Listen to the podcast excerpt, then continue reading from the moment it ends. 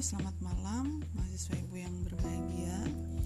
Ibu telah memeriksa dengan lengkap hasil pekerjaan Anda terkait pembuat berita langsung atau straight news.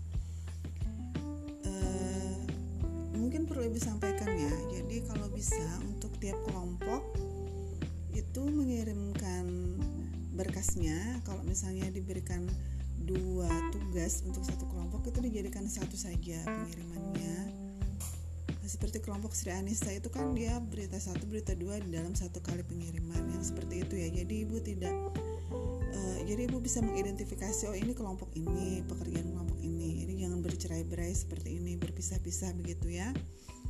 Nah kemudian uh, ke depannya karena tugasnya adalah tugas kelompok kolektif jadi yang lain tidak usah uh, tidak usah mengirim return atau mengembalikan tugas gitu. Cukup ya perwakilan kelompoknya saja. Jadi kalau ada enam kelompok berarti enam kali pengiriman saja. Yang lain tidak usah return atau turn in turn in ya. Jadi uh, abaikan saja. Yang pasti sudah kalau sudah ada perwakilan kelompoknya yang sudah ada di dalam tugas itu berarti tidak usah lagi. Begitu ya itu secara umum. Kemudian catatan-catatan yang berhasil Ibu himpun dari pekerjaan Anda. Yang pertama mungkin perlu diperhatikan itu adalah penulisan kata, kalimat dan paragraf. Tetap harus mengikuti kaidah-kaidah yang telah ada di dalam bahasa Indonesia baku begitu ya. Misalnya kalau untuk paragraf itu eh, syarat paragraf itu adalah dia lebih dari satu kalimat. Kalau satu kalimat itu tidak disebut paragraf. Jadi dua kalimat e, atau lebih itu baru di, bisa dikategorikan sebagai paragraf, sesingkat atau sepanjang apa pun.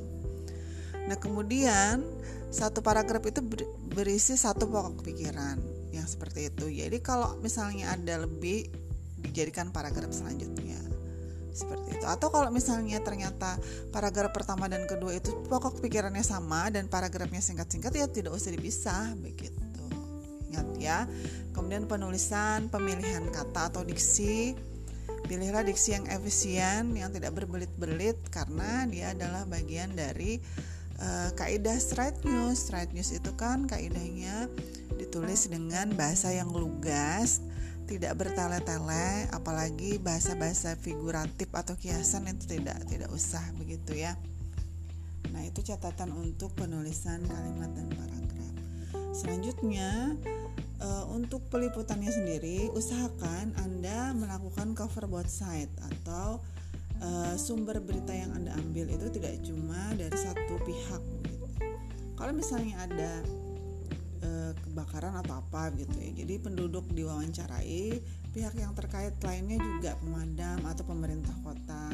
Nah, pemangku-pemangku kebijakan itu tetap harus diwawancara. Ini contohnya beritanya Sri Anissa. Berita Sri Anissa dan kawan-kawan itu mewawancarai mahasiswa.